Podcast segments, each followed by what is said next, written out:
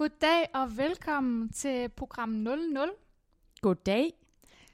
I dag der skal vi tale om øhm, faktisk, hvem vi talte om i nullerne. Ja. Altså, hvad var stort dengang? Hvad husker vi? Hvem var på alles læber? Hvad var på alles læber? Og hvilke Hollywood-skandaler var der i nullerne? Det er der, vi starter. Vi starter nemlig Hollywood. Øhm, og bare lige for runde nogle af dem, som øh, var datidens Kardashians. I nullerne, der kan man sige, at øh, hvem var virkelig stor i nullerne? Det var Paris Hilton. Hun var virkelig datidens it-girl. Med Ja. det her blonde hår, den altid solbrun hud og den lille chihuahua Tinkerbell.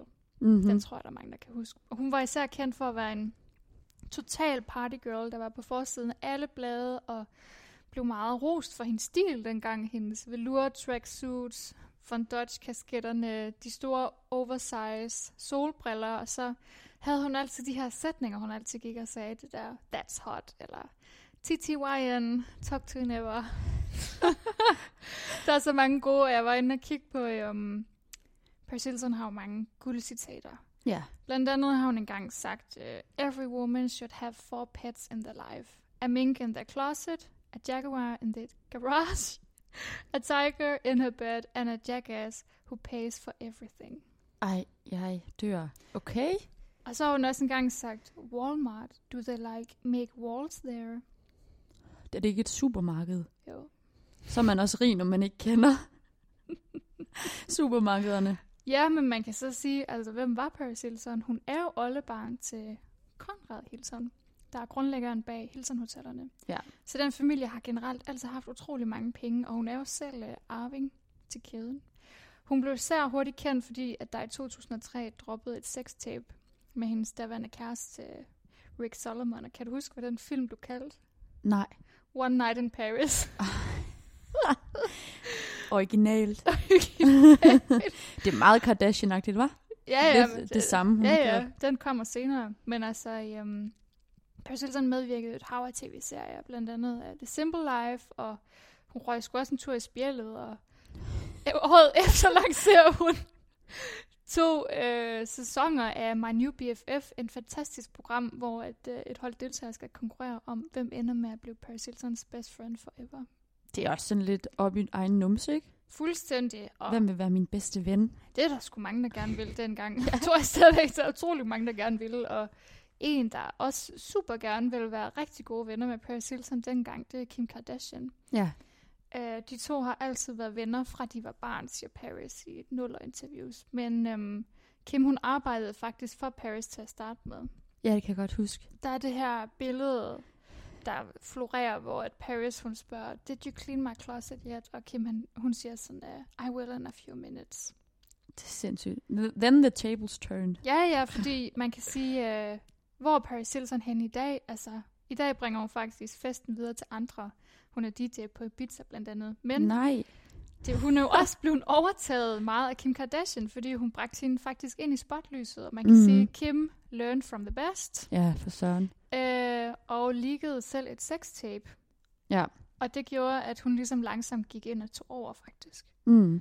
Også til trods for, at Paris Hilton øh, faktisk prøvede at lancere en sangkarriere og så videre op igennem nullerne. Det har Kim så ikke gjort endnu, men øh, Det kan være, det kommer. i dag er det Kim, der er på toppen. Ja. Nogen, der øh, var en del af det slæng dengang, det var blandt andet også Lindsay Lohan, der øh, blev kendt som øh, barneskuespiller. Hun var med i Forældrefælden i 98. Mm. Den her, hvor hun bliver dobbet. Jeg troede selv, hun havde en tvilling dengang, men det havde hun ikke. Ja, det troede jeg nemlig også.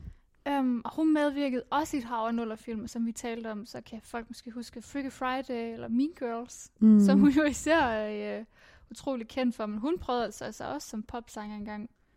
Har hun også udgivet musik? Ja, ja, hun lavede blandt andet nummer Rumors om at være kendt, og Nå. at hun altid blev fuldt rundt af paps og så videre. Og det, øh, det var faktisk med i det danske spil Power Babe. Nej, hvor sjovt. Det kan jeg slet ikke huske, hun gjorde. Jo.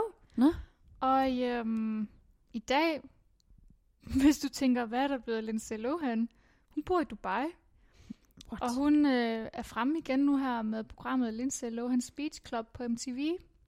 Det tror jeg, jeg har hørt om. Ja, Men hun ligner næsten ikke sig selv, vel? nej, det gør hun ikke. Hun Nej. var igennem noget af en nedtur igennem tierne, øh, hvor hun vist havde et misbrug, og Mm. røg vist også lidt i spjældet. Og Åh. Det, det var ikke så godt. Men nu, Nej. var hun, nu vil hun gerne være lidt fremme igen. Okay. Og det gør hun så i det program. Men hun flyttede efter sine til Dubai, fordi der, øh, der blev hun ikke fuldt på samme måde af paparazzier. Nå, og nogen, der, der heller ikke bliver fuldt af paparazzi så meget mere, det er Olsen Twins. Ja, Det er også nogen, der og mig husker meget fra nullerne, som var utrolig meget fremme der i. Hollywood. Også på grund af deres øh, roller i diverse øh, film og tv-serier, da de var børn. Mm. I særdeleshed meget i 90'erne, men der er i hvert fald noget i nullerne, du sikkert godt kan huske. Blandt andet af So Little Time fra 2001, ja. som vi talte om lige før. Det var en vildt god serie. God tilmeldi. Ja, det var sådan en komedie halløj, ikke? Jo, det Ja. bliver beskrevet som en sitcom ind på nettet. Ja. Men de var også med i Holiday in the Sun, Ja, New York Minute, Ja. When in Rome. det, er, det var mange af dem, de der teenage-romantiske film, ikke? Jo, kan det kan man sige. dem. Det er sådan, øhm, dem kan jeg huske, dem så jeg meget op til dengang. Ja, det gjorde jeg også. Hvem Jeg så det. du op til i nullerne? Er de to? Ja, eller bare generelt Mm. af Hollywood stars. Der Ja. var jo ret mange.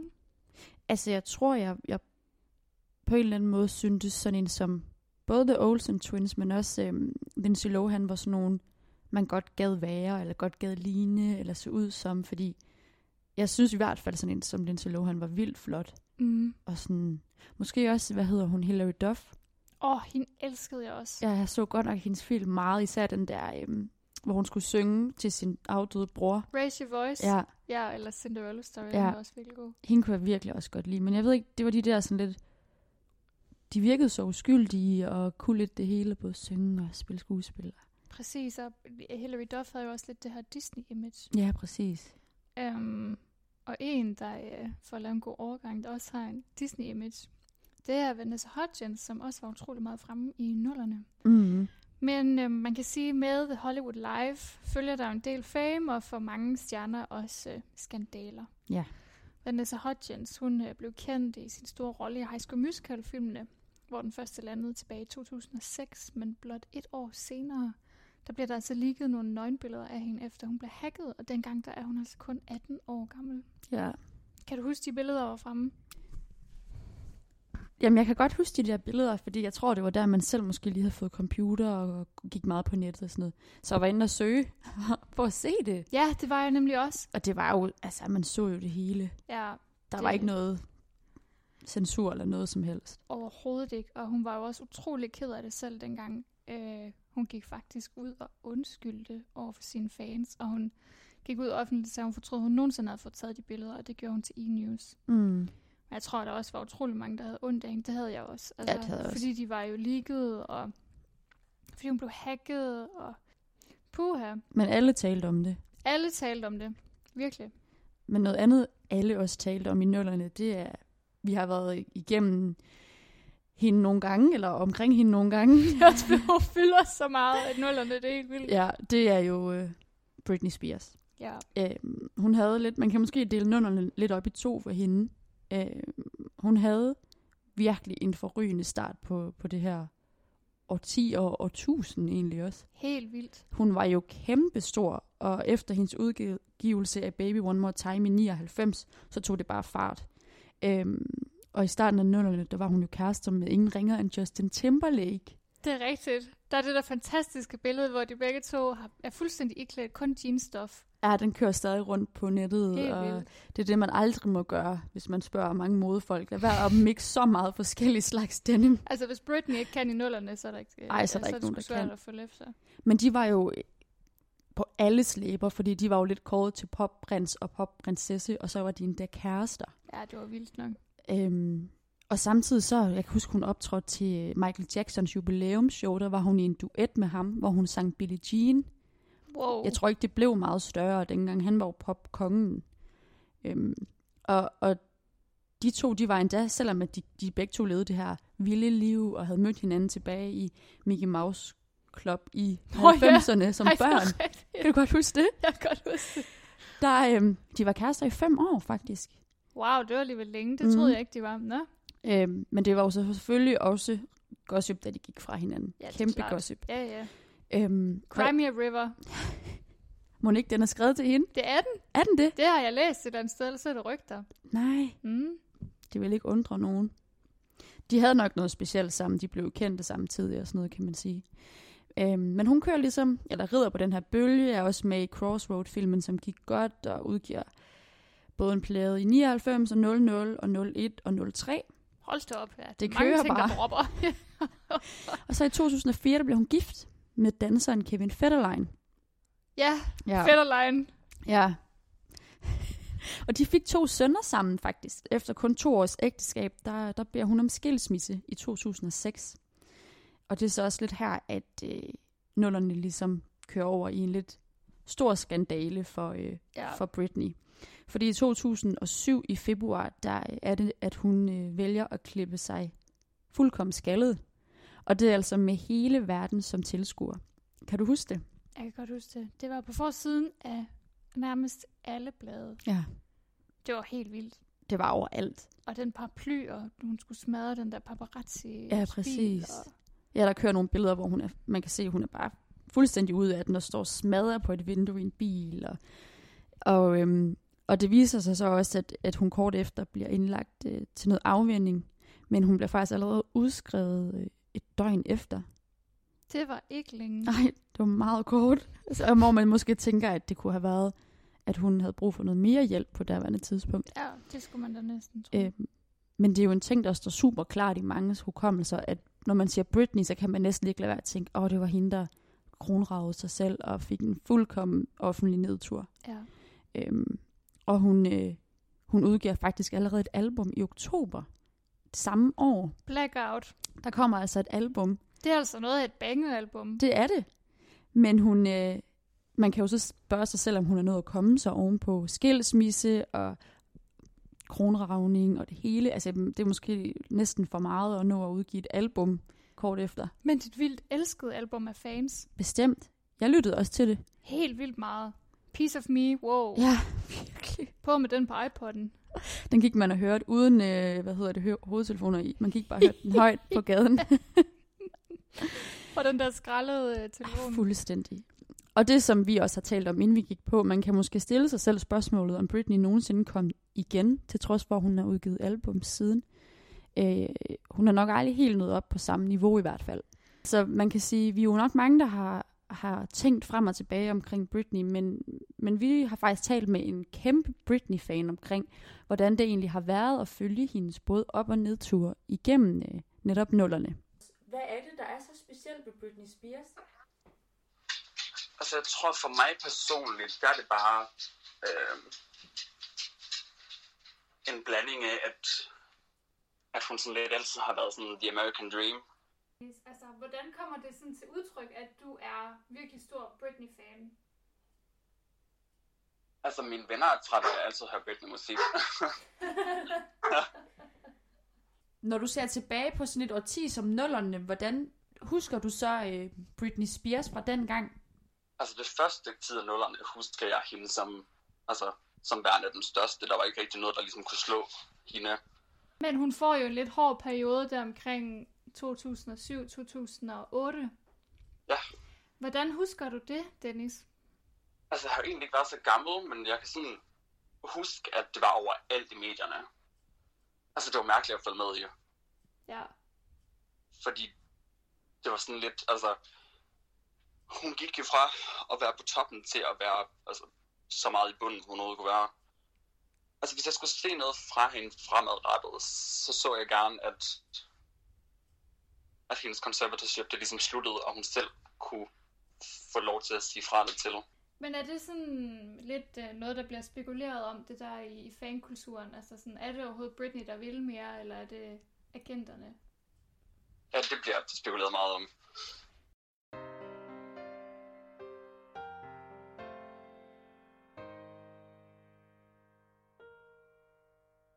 We're soaring, flying. There's not a star in heaven that we can't reach. If we're trying, so we're breaking free. You know the world can see us in a way that's different than who we are. Creating space between us till we're separate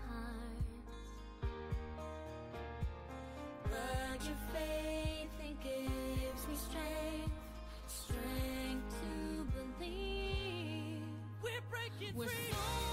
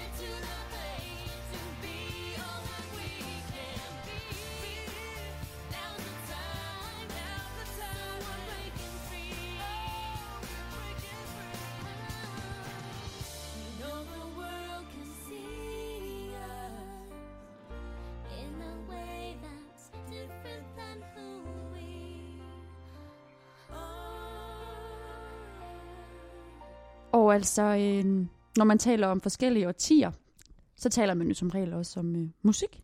Mm. Og der er jo musikere, der faktisk slog igennem i nullerne. Der er virkelig mange. Er der nogen bestemt, du tænker på, når du tænker nullerne? Ja, altså der er virkelig mange. Uh, jeg tror uh, Flowrider, Mm. Lady Gaga, Ja, bestemt. Akon. Akon. Fordi øh, det er i hvert fald en, vi to, vi sammenligner ham meget med nullerne. Jeg fandt faktisk frem til, at det var under øh, tre år i fængslet, at han fandt ud af, at han faktisk godt kunne lide at lave musik, og var god til at udtrykke sig musikalsk. Så det var, mens han var, var spærret inde, at han sad og tænkte, det skal jeg prøve, når jeg kommer ud. Nå. Og i 2004, der udgiver han sit debutalbum, hvor blandt andet en af vores gode favoritter ligger på, nemlig nummeret Lonely. Åh, oh, ja. Det Som har jeg- vi vist også spillet før. Det har vi nemlig. Øhm, og så, hvis du har bemærket det, så har han faktisk øh, i, i løbet af nullerne, der starter hans musikvideoer altid med, at en fængselsdør lukker. Er det rigtigt? Og så siger han bagefter, convict, som jo er hans, hans kendetegn. Ej, Så det, fun fact. det er en ret fun fact, og jeg tænker, det har noget at gøre med, at han, han sad inden, da han fandt ud af, at han godt kunne lide at lave musik. Øhm, og i løbet af nullerne, der kommer der jo også nogle store samarbejder med blandt andet Snoop Dogg og Eminem. Ja. Smack That og øh, den anden sang. Hvad hedder den? I Wanna Love I You. wanna love you. Den findes både i dirty version og ikke dirty version. Ja, det er lige, hvad man er i humør til. Men han er altså en af de helt store i nullerne. Øhm, og en af de kvindelige store internationale sanger, inden der kom frem i nullerne, det er jo Rihanna. Ja. Hun øh, er den her øh, pige fra Barbados, der lige pludselig faktisk brager derud af. Hun, øh, hun starter sin karriere i 2004, og udgiver så sit første album i 2005. Og det er blandt andet her, hvor vi kender SOS-nummeret fra. Someone ja. help me. Åh oh, ja, den var overalt. Øhm, det var ligesom den, der gjorde, at hun slog igennem. Men hun får altså et, for alvor et navn, da hun sammen med Jay-Z laver nummeret Umbrella. Den tror jeg, de fleste af os kan huske. Det var virkelig et hit i 2007. Øhm, Men udover at hun er kendt for sin musik, så er hun jo også kendt for nogle af de lidt turbulente forhold, hun blandt, blandt andet har haft til sangeren Chris Brown. Det er rigtigt. Kan du huske det? Jeg kan godt huske det, ja. Det var godt nok også uh, tabloid uh, guf. Det var det virkelig. Det var jo det her med, at øh, de var officielt kærester fra 2008 til 2009. Og så er det noget med, at der pludselig bliver udgivet nogle billeder af Rihanna, der er blevet, øh, lad os bare sige det som det er, banket af sin kæreste. Ja, det kan jeg godt huske. Det blev virkelig skrevet om. Ja, og det kunne man også mærke meget i musikken efterfølgende, hun udgav, at øh, det var noget lidt mørkere musik, end det ellers havde været. Blandt andet med Russian Roulette, hvis du kan huske den sang. Nå ja. You can see my heart. Præcis. Ja, det var, det var også en lidt frygtelig episode. Men hvis vi skal vende blikket lidt hjemad, så var der jo også øh, en duo, vi måske ikke helt kan komme uden om herhjemme. Den består af to gutter fra Værløse. Nick og Jake. Åh, oh, jeg troede, du skulle sige Safridu. Nej, det er ikke endnu. det er Nick og Jake. ja, selvfølgelig. Øhm, fordi de brød jo igennem i nullerne for fuld udblæsning, hvis Ja. man kan sige det på den måde. Øhm, de udgav deres første album i 2002, og der ligger blandt andet et hit på, som øh, mange af os nok kender. Lad mig se det gå frem og tilbage, fra side til side. Den har jeg i hvert fald danset meget til, til sådan noget sodavandsdisco i Helt folkeskolen. vildt. Halvbal. Ja, virkelig. Og det gjorde jo også bare, at de bragede af. Og med deres nummer Nick og Jay, som mange mange nok også kan huske. Øhm, og de vandt faktisk også allerede priser det første år for årets hit og årets nye navn. Så de er ret slog godt igennem gået. med et brag. Det gjorde de. Og i 2004, der kom øh, sådan nogle klassikere, kan man måske kalde dem, som Lækker og En dag tilbage. Og en dag tilbage. Det er altså en sang, jeg godt kunne finde på at høre stadigvæk. Ja, ja, god føler. Den er virkelig god. Og det er jo også nogle gutter, der, øh, der har solgt vildt mange plader, og som stadig kan... Jeg var til Smukfest for nogle år siden, og de kan altså bare samle alle aldersgrupper. Det, det kan man ikke tage fra dem. Men man kan også synge med på alt. Præcis, Uanset om du så selv har gået og hørt den helt vildt meget. Du kan det bare. det kan man. Og Nick Jay kan altså et eller andet med tekster. Altså, Virkelig, altså det kan de, og de sidder der bare. som artiskokker og... Hvad Den sillesalat. Den sillesalat. Jamen, det er virkelig genialt noget af det, de skriver. Og så, altså, de, det er sådan, man kan ikke mærke, hvornår, altså, en dag tilbage, hvad er den? Den er 16 år gammel. Jeg synes stadig, den holder. Holder stadig. Ja, ja. Man kan huske teksten. Altså, Ja. den kører bare bag ens hoved, når vi sidder og taler om det. Virkelig. Og altså, et andet, en anden duo, dansk duo, Er det Safri Du så? det er Safri duo, som bestod af Uffe, nu skal jeg ved ikke, om jeg siger hans efternavn rigtigt, Savary, Savary og Morten Fris. Øhm, de to, de mødtes allerede dengang, de var i Tivoli Garden som børn, eller unge. Gud, det der, de er gode til at tromme fra. Mm, præcis. Og har altså været en duo siden 89. Men de kom for alvor på nærmest hele verdens læber i 2000, da de begyndte at spille noget mere dance-inspireret musik. Øhm, det her, hvor nummeret Play It Alive, som jeg tror næsten ikke, man behøver at sige meget mere, så ved folk godt, når man tænker sig for du, så tænker man som regel på det nummer. Ja, det var også med i FIFA, og Ja, det var kæmpe. Jamen, de, øh, de, det gjorde jo, at de blandt andet som et af de eneste danske bands har fået lov at spille i det britiske musikshow Top of the Pops Med Play, i Play 2001. Ja, det er nogle af de få danskere, der får lov at spille der. Og samme år, der vandt de øh, Best Nordic Act ved MTV Europe Music Awards. Og de fik også lov at optræde ved Eurovision, der blev afholdt i København i 2001. Så det var altså et... Øh, Du var ret kendt band. virkelig, de, de slog virkelig igennem i 2000. Og øh, det er jo også et nummer. Når det kommer på i byen i dag, så kan man da se alle nullerbørnene, de hopper rundt. Ja. Alle dem, der er oppe i 20'erne nu, de kommer bare. Fuldstændig. Så det, øh, det kan man ikke komme udenom, når man snakker nullerne. Overhovedet ikke, og altså... Når det her band også bliver sat på, på klubben, altså, så kommer nullerbørnene også. C21, Yes. kan du huske det? Nullernes danske boyband. Det kan jeg virkelig godt huske. Ja, det består jo af de her tre... Øh, det glæder mig til om lidt. Som Bredendal, David øh, Pepke og Esben Dus. Mm-hmm. Havde du pladen? Ja. Jeg kan huske, jeg kunne lide nummer 5. Jeg kan ikke huske, hvad nummeret hed, men jeg elskede det. Uh, det er specifikt, ja. Og så kunne jeg lide She Cries. Ja, selvfølgelig. All That I Want var vist også for den plade. Og Mm. de havde faktisk nogle ret store øh, hits, som også øh, blive udgivet i flere lande, og vi har faktisk taget en, øh, en snak med formanden i gruppen, kan man vist godt kalde ham, Søren Brændal, om hvordan det var at være med i C21.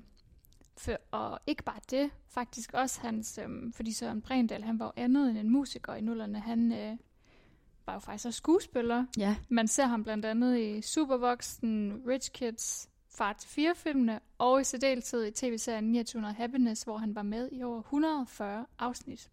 Jamen altså C21 opstod på en lidt sjov måde, fordi jeg, øh, jeg spillede faktisk ungdomselite fodbold. Og øh, der stod jeg altså i et omklædningsrum og sang. og det skal siges, det havde jeg gjort i mange år inden også. Men der stod jeg altså altid sang for drengene, mens vi gik i bad. Øh, og det var der jo selvfølgelig nogen, der synes var sjovt, og andre synes, det var hæsligt. Men der var altså en af drengens far, øh, min medspillers far, som øh, hørte den her skøn sang ude for badet, og sagde, og han viste sig så at være producer, og han sagde, prøv at høre Søren, kan jeg ikke lige, øh, kan jeg ikke lokke dig til at komme op i studiet og prøve det af? Og der startede sådan helt grundlaget faktisk for min musikalske karriere. Jeg har ikke været mere end, øh, end, end 15 år der. Jeg fik min gode ven Esben med, og, og David Pepke kom så med senere. Hvornår gik det ligesom op for dig, at, øh, at nu der havde C21 ligesom slået igennem? Øhm, ja, altså jeg huske, jeg kan huske at øhm, måske den, det, der, hvor man virkelig mærker det, det der, vi sad faktisk hele banen, altså mig, Esben og David sad i en bil på vej til noget interview, tror jeg faktisk, og så hører vi P3, og så dukker vores første single, Stuck in My Heart, op i radioen. Øh, og, og, og den følelse, man må huske på, at dengang fandtes der ikke Spotify og YouTube og alt det andet. Der var radioen, det var simpelthen det nåløje, man skulle igennem. Så hvis man blev spillet på Voice, på P3, P4, så var man, øh, så begyndte det at ligne noget. Men Søren, oplevede du sådan at få opbygget en fanskare dengang? Ja, jamen det gjorde jeg. Altså dengang var det jo noget, der hed øh, øh, Ar- Arto. Ja, Ja. ja. det ikke Arto. Der Jo. var noget, der hed Arto dengang. Det var før Facebook kom til.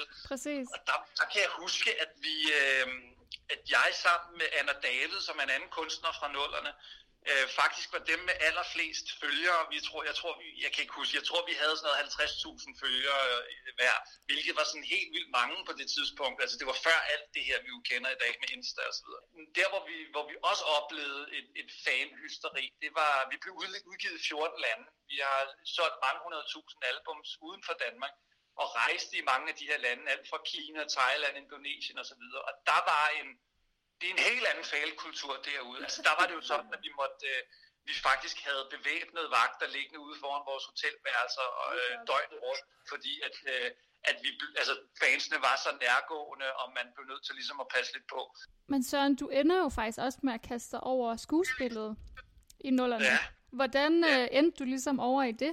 altså når man får succes i en, en, et domæne af underholdningsbranchen, og man begynder at få åbnet nogle døre, og folk ved, hvem man er og alt det der, så er der bare nemmere adgang til andre øh, arenaer og domæner inden for den her underholdningsbranche. Og det var selvfølgelig det, jeg var heldig at have, ja, altså fordi man kan jo ikke nødvendigvis bare komme ind fra gaden og sætte sig foran sådan en agent og sige, hey, skal vi lege? Øh, og hun så siger ja. Nej, det, det var selvfølgelig, fordi jeg stod på skuldrene af det C21 havde opnået på det tidspunkt. Ja. Øh, og så byggede man videre på det. Og så fik jeg øh, ret hurtigt faktisk i rollen som Peter i, øh, i Far til 4, og jeg fik også en rolle i en ungdomsfilm, der hed Supervoksen, en, en, en, en, en birolle der. Ja. Og så, så var vi ligesom i gang. Det var faktisk også via det netværk, at jeg ender med at lande rollen som Simon i 2900 Happiness. Øh, og det siger bare lidt om, du ved, den ene dør leder til den næste, Ja, ja. og man kender nogen, og de kender... Øh, det er meget sådan, underholdningsbranchen også fungerer. Så, øhm, så ja, så, så, så lavede vi fandme næsten 150 afsnit af 2900 Happiness. ja, det er jo helt vildt. Ja. Og den blev jo også ekstremt populær. Altså, fik du lige pludselig ekstra mange fanbreve og mails? Og, altså, Ja, altså det booster jo selvfølgelig interessen og opmærksomheden, når man er med i noget, der bliver vist. Jeg tror, det var mandag til torsdag i, øh, i tre måneder ad gangen ikke, på TV3, og alt, den, alt, den, alt det, der nu fulgte. Øh, ja, det er klart, så fik, man lige, så fik det lige et nyk mere. Hvad laver du i dag? Du er kreativ direktør. Jeg, ja, jeg er blandt andet øh, kreativ direktør i en helt ny indsats, der hedder PS I Love You, og øh, det er simpelthen en, en, en, et fantastisk projekt, der handler om at gøre hjertesagen mærkbar og levende for den yngre del af befolkningen. She cried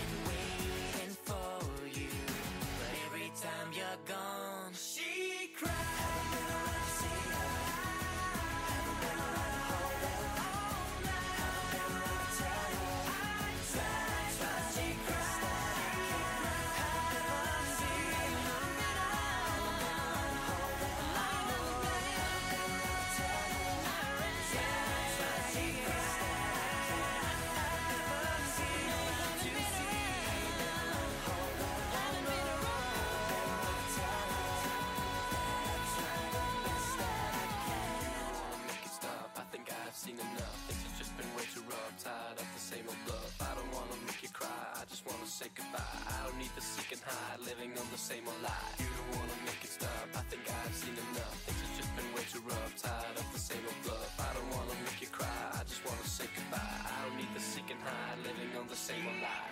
Haven't been around to see her. Haven't been around to hold her.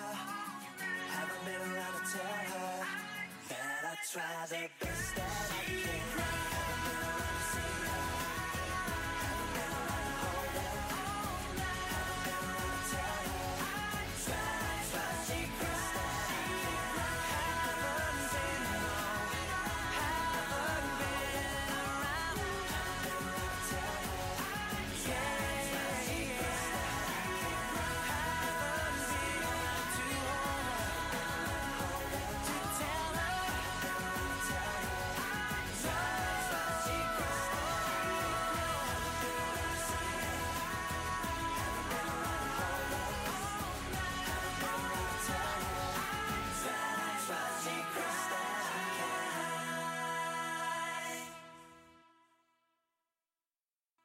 Vi kommer også til at sidde og snakke om, hvad, hvad talte man ellers om dengang i nullerne. Øh, og hvis man kigger lidt forbi sportens verden, så er der i hvert fald to episoder, vi begge to kan huske, selvom vi måske ikke er de mest sportsinteresserede. Men altså, det er to fodboldkampe, vi skal have fat i. Den ene, den er fra 2006. Det er VM-finalen Italien og Frankrig. Bare når man siger det, tror jeg, der er utrolig mange, der tænker, åh, Ja. det må være dengang. at Zidane, han nikkede en skalle til den italienske spiller Marco, og nu er jeg ikke dygtig til navn, Materazzi. Ja, ja. Jeg aner ikke, hvad ja. han hedder. Og, øhm, og det er altså noget, han gør i nummer, hvad skal i over, hvad hedder sådan noget, overtiden, Mm. forlænget spilletid. I VM-finalen, der står 1-1, og det er de to spillere, der har scoret de to mål i kampen. Og lige pludselig i 108. minut, der får han altså lige en, et hoved i mausen. Altså, det er også langt ind i kampen. Det, altså, det der er ud er over virkelig, kampen, langt ud over kampen. det er omkring 10 minutter, før der så vil blive, øh, blive straffesparkskonkurrence. Så ingenting er afgjort på det her tidspunkt. Nej, nej. Øhm, og, og det, der ligesom sker, det er, at Zidane han har været ude at sige, inden den her kamp, at han øh, går altså på pension efter øh, slutrunden i Så 2006. det sidste kamp. det sidste kamp, han skal spille for, for det franske landshold. Så laver han lige den der, bliver udvist med rødt kort, og det er altså sidste gang, han, øh, han forlader en fodboldbane som fodboldspiller for det franske landshold. Ja. Det var jo, kan du huske, du så kampen, eller? Jeg kan faktisk godt huske, at der var den der chokfaktor. Sådan, okay, hvad skete der lige? Altså, Ja, giver ham en skalle i maven? ja. Altså, hvad foregår der? Hvad, altså, hvad, hvad sker der oppe i, i hovedet på ham? Altså, hvad tænker han i det sekund, Det er også det. Og der er jo mange, der har sådan godt kunne tænke sig at vide, hvad der lige skete, og hvad der blev sagt, for det er noget med, at øh, Materazzi siger noget til Zidane, og der er et eller andet, men det er kun de to, der ved præcis, hvad der skete dengang, og hvad der har tændt ham af. Øhm, men altså, det står jo klart, altså han har jo klaret sig godt siden, kan man sige. Han er blevet træner for Madrid. Ja. Men, men det står bare super klart som en... Det er jo meget bræt afslutning på hans karriere som fodboldspiller. Ja, det må man sige. Der er sådan en måde at gå ud på, ikke? Og så også, øh, ender de ikke også med at tabe kampen. Det, det ender nemlig sådan, at, øh, at Italien vinder 2-1 i, øh, i straffespark til konkurrencen.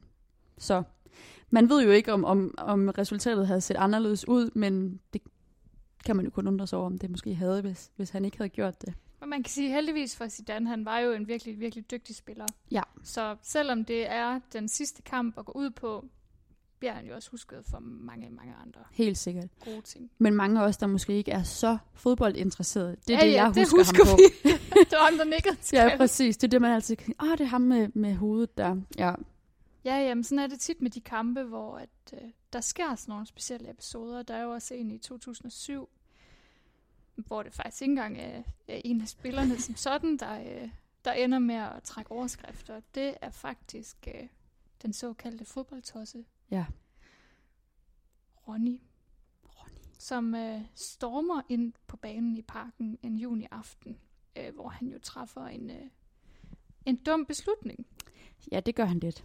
Han vil gerne have fat i dommeren, Herbert øh, Fandel, som netop øh, havde dømt et straffespark til Sverige.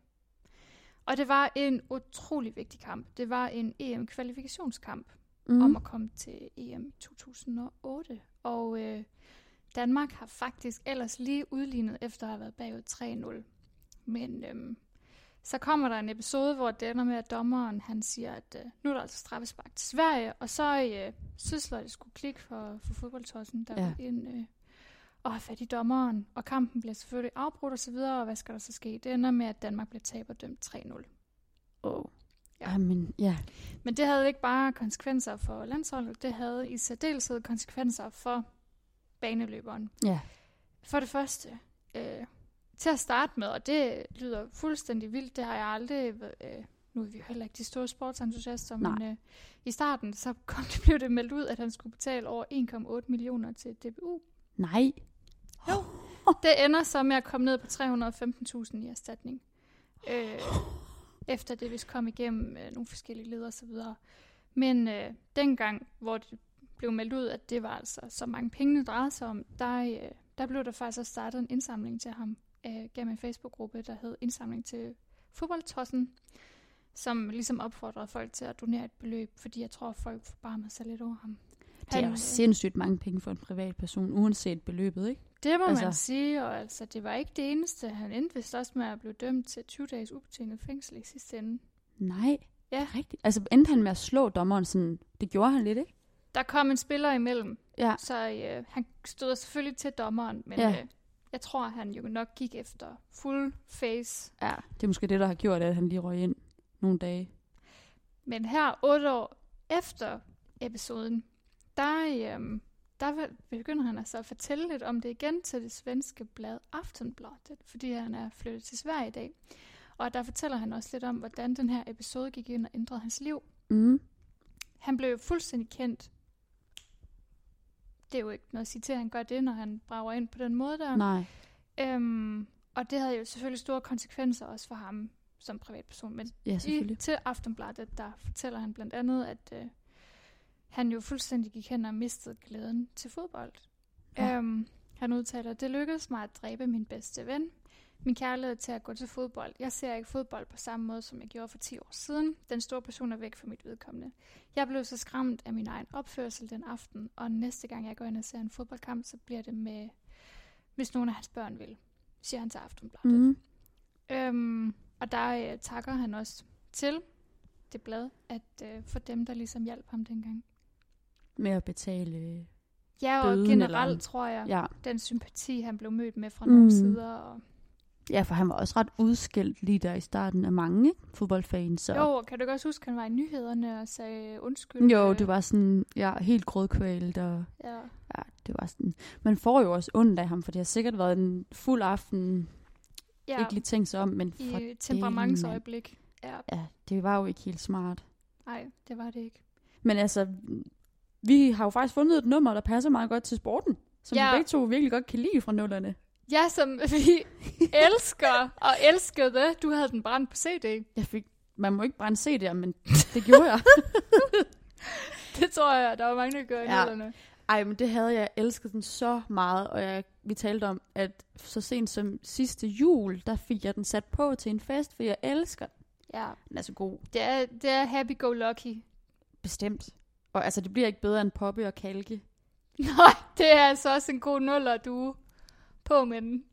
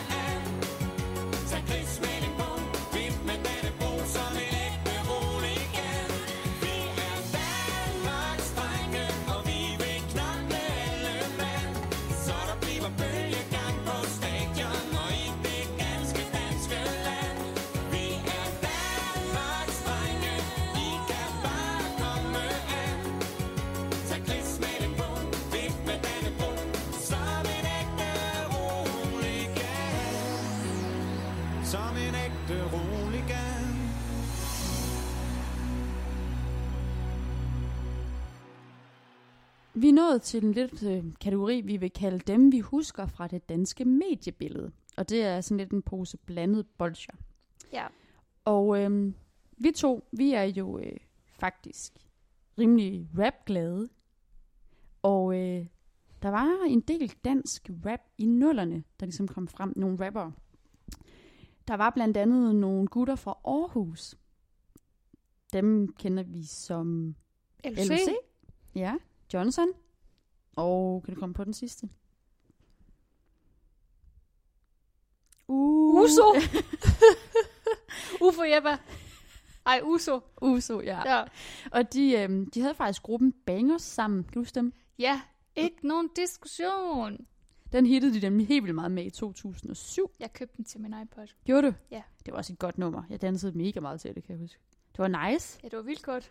Øhm, det var altså de her drenge, der både lavede noget i fællesskab, men også lavede noget øh, hver for sig. LOC, han brød øh, for alvor igennem i 2001, hvor han udgav sit debutalbum. Herefter der udgav han faktisk musik i 2003 og 2005 og 2008. Så det gik ret godt for ham.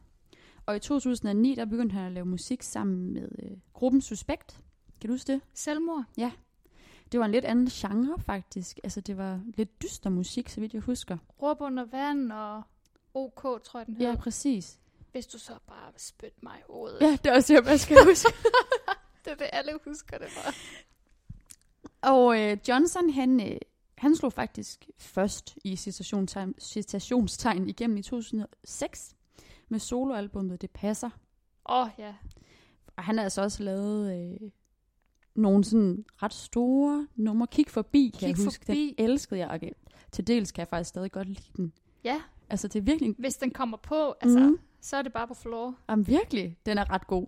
Det er den, jeg sådan klart bedst husker ham fra. Ja, Og og, så- så, så bagler hele dagen, ikke? Jo, bagler hele dagen. Han har en, en helt... Altså, man kan bare kende Johnson, når man, øh, når man hører ham. Fordi det er også bare de der phrases, det passer. Altså, så Præcis. ved alle bare, åh, oh, det er Johnson. Ja, gik vi, på gym- vi har jo gået på samme gymnasium. Mm. Jeg kan huske, han var til, til en gymnasiefest. Ja, jeg var der også. Ja, ej, jeg elskede det. Det var virkelig godt. Og det er altså tilbage i 11-12 stykker, tror jeg. ja, Men han var stadig cool, synes det var jeg. stort. Og så Uso, han er jo den her rapper, der er kendt for at rappe vildt hurtigt. Faktisk i dobbelt tempo. Det er sindssygt. Det er helt vildt. Og jeg kan huske, han... Øhm, jeg hørte engang et nummer, hvor han var featured med en masse øh, rappere rundt om i verden, som kan rappe sindssygt stærkt. Der var han ligesom det danske bud på en øh, optempo rapper. Det er faktisk virkelig sejt. Det er mega sejt, og jeg kan bare huske, at hans stykke var for sindssygt. Øhm, og vi har også lidt været inde på, på en anden gruppe, som stammer fra Albertslund, nemlig øh, Suspekt, som så småt begyndte at komme frem i 90'erne, men som for alvor ligesom fik fat i danskerne i nullerne. Er det noget musik, du har lyttet til? Ja, altså dengang, der, øh, jeg kan huske, de havde lavet det nummer, der Proletar. Mm. Det synes jeg faktisk stadigvæk i dag er utrolig godt. Ja. Ja. Det synes jeg er det bedste suspektnummer, der nogensinde er lavet.